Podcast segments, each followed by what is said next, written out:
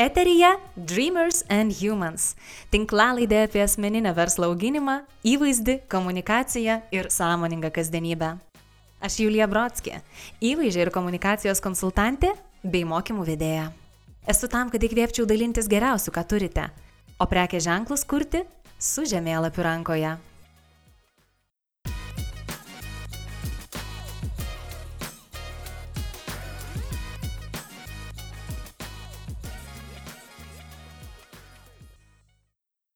Sveiki!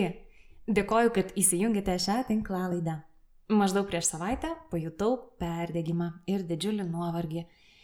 Ir vėl man priminusi, kaip svarbu net ir pačią mylimiausią veiklą riboti ir nuo jos atsitraukti. Netgi praleidau vieną podcast'o epizodą. Ši savijauta iš tikrųjų ir padiktavo šiandienos temą. O be to man jau kuris laikas norėjosi lengvesnės ir paprastesnės temos be sudėtingų teorijų ir namų darbų. Taigi pakalbėsime apie tai, kaip keičiasi gyvenimas pradėjus daryti tai, kas visada traukė ir iš to uždirbti pinigus. Kokių iliuzijų dažnas turime, o vėliau smarkiai nustembame. Tie, kurie jau tai darote, tikėtina rasite rezonansų, o esantys pakeliui, sužinosite kokie pokyčiai, apie kuriuos bent jau manęs niekas neįspėjo, laukia. Mano mylimiausias klausimas žmonėms yra, o ko tu negali nedaryti? Į jį ne visada lengva atsakyti iš karto. Kai kam prireikia metų metus ieškoti atsakymo ir narstyti save. Žinote, man visada atrodė, kad jei užsijimame tuo, prie ko rankos tiesiasi pačios, esame laimingi kasdien. Tikiu, kad ir jūs mastote panašiai. Kadangi gyvename itin palankiais laikais realizuoti save, pradėti verslą, užkurti įvairiausius projektus bei renginius, Didžiulė žmonių dalis meta nemėgstamus darbus ir kartais net kardinaliai keičia gyvenimus. Mano draugų tarpė tokių apstu. Šeimyna, palikusi korporatyvinį ofisinį darbą ir su visais trim vaikais išsikraustė į Kretą, bei atidarė ten lietuvių traukos centrą, viešbutį ant jūros kranto. Kolegė bičiulė, kurią elementari kasdienė meilė mankštai, atvedė iki trenerės ir studijos įkūrėjos pareigų. Arba buvusi teisininkė, netikėtai prisiekusi meilę fotoaparatui. Stebėdama visus šios žmonės ir savo pačios pavyzdį, matau tendenciją, kai atsibosta nemylimas darbas, kai ryštamės keisti gyvenimą arba nuoširdžiai ieškome, ką galėtume tokio veikti, kas džiugins, gauname patarimą. Atsispirk nuo savo hobio. Na, nuo to, ko negali nedaryti. Nuo vaikystės veiklų ir žaidimų. Ir tikrai, aš mačiau daug, daug, daug pavyzdžių, kuomet žmonės susikūrė sėkmingą darbo vietą srityje, kuri kadaise buvo tiesiog hobis, laisvalaikio leidimo būdas, aistra arba atostogų džiaugsmas. Taip mano vyras tapo snieglinčių sporto instruktoriumi. Mano gera draugė ėmė fotografuoti vestuves. O aš meilę informacijai ir jos transliavimui paverčiau dabartinę profesiją. Ir stebėkime, scenarijus čia dažniausiai vystosi šitaip. Ryžėsi nuo šiol gyventi iš mylimos veiklos, kuriame įmonės, ieškome klientų, po truputį randasi įdirbis, pažintys, rekomendacijos, patirtis, kyla kvalifikacija, o mes rodos gyvename savo svajonių gyvenimą. Pagaliau. O dabar pakalbėkime apie tai, kas seka po to. Nes aš visą laiką galvojau, kad, na, va čia tai ir yra ta galutinė stotelė. Visos problemos išspręstos, failai uždaryti ir dabar aš tiesiog mėgausios gyvenimu.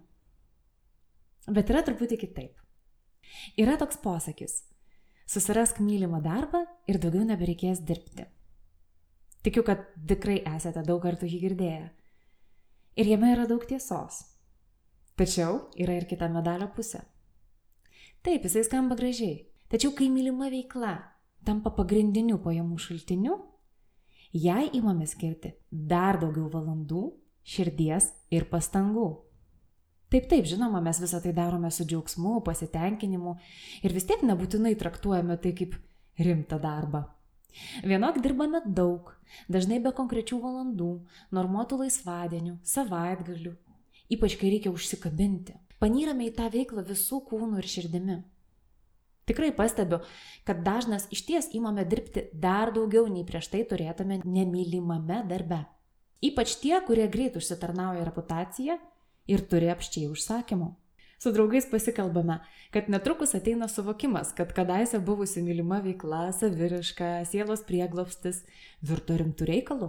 Mes užimti pardavimais, komunikacija, reklama, mokesčiais, dokumentais, sistemomis, galbūt komandos būrimu, sąskaitomis, dėrybomis, sutartimis.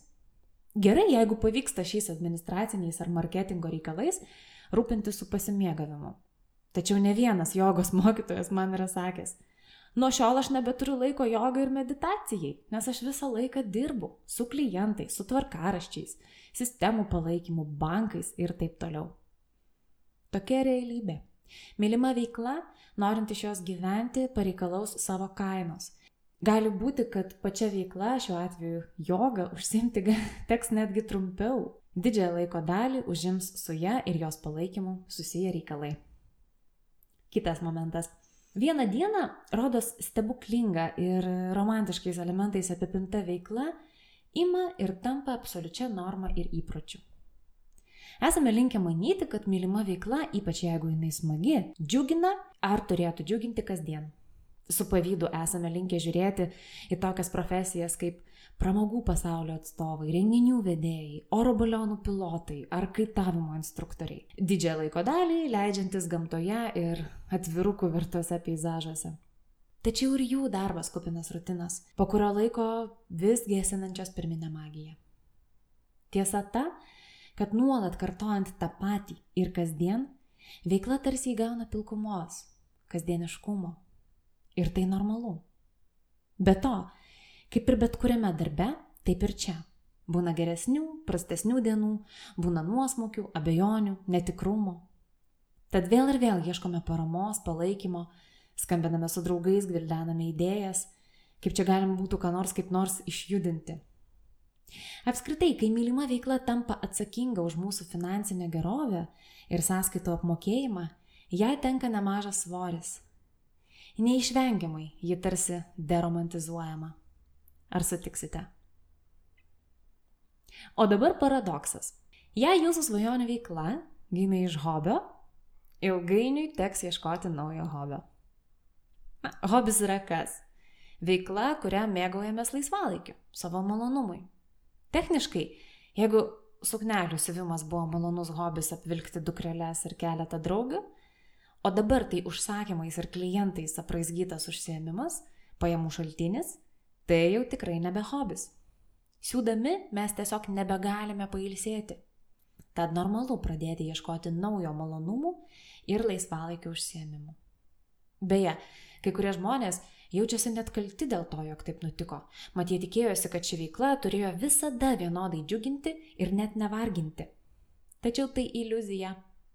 Manau, kad labai faina yra tai, kad gyvenime rasis dar viena įdomi, galbūt pačiam netikėta veikla. Mes išmoksime kažko naujo, rizikuosime, ugdysime naujus įgūdžius, tapsime dar margesni, įdomesni patys savo ir nuolat augantys. Taigi aš nustojau bijoti to, kad netekau kažkokio tai hobio arba neteksiu jo ateityje. Visą laiką rasis vietos naujiems atradimams. Na ir apie pertraukas.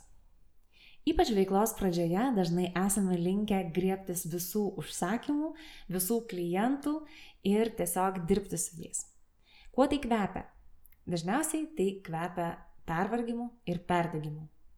Prisiminkime, kad ir kokybiškas poilsis ir atsitraukimas ilgajame rezultate iš tikrųjų atneša naudos. Tačiau ką mes darome užuot atsitraukę? Iš paskutinių įspaudžiame save pabaigti, sutvarkyti, per negaliu tilpti į terminus. Man taip pat nėra lengva daryti pauzes. Tačiau kai pasiekiu tokį tašką, kai mylima veikla, konsultacijos žmonės ima kelti ne pačius maloniausius jausmus, suprantu, kad perdegiau ir man būtina pertrauka. Po tokių pertraukų visada grįžtame su naujomis jėgomis, aistra ir idėjomis. O naujų idėjų iš vis neįmanoma generuoti įprastoje aplinkoje. Jos gimsta tik išnešus save į kažkokį kitą pasaulį. Taigi rūpinkime savo veiklą ir savo savijautą joje. Būtinai darykime pertraukas ir nuolat atsitraukime nuo jos. Atstumas tik tai gerina santyki su ją. Beje, psichologai net labai patarė kasdienybėje turėti tokių veiklų, kurios tarsi betikslės, gal netgi beprasmės ir absoliučiai niekaip nesusijusios su kokiu nors asmeniniu tikslų siekimu arba akivaizdžia gerove. Aš asmeniškai mėgstu gilintis į tai, kas šiandienai man iš vis nereikalinga. Mados istorija, stilius, fotografija, videografija. Dar galvoju pradėti mokytis kokios nors užsienio kalbos, absoliučiai be jokio tikslo. Kai nėra tikslo, nėra įtampos, spaudimo. Tada toji veikla pasidaro kupina laisvės ir žaismingumo. Šiam kartui tiek. Dėkoju, kad klausėte. Kviečiu komentuoti, palikti savo išvalgas mano Facebook puslapyje juliabrodskė dreamersandhumans.lt arba Instagram paskyroje Julija Brodskė. Kita kartą kalbėsime apie tai, kokiomis savybėmis ir žiniomis turėtų pasižymėti puikus komunikacijos specialistas. Aktualu bus ir medijų administratoriams, ir savo asmeninę veiklą viešinantiems. Visiems linkiu malonaus gyvenimo darbo balanso ir dėkoju, kad buvote kartu. Būkime svajotojais, kurie veikia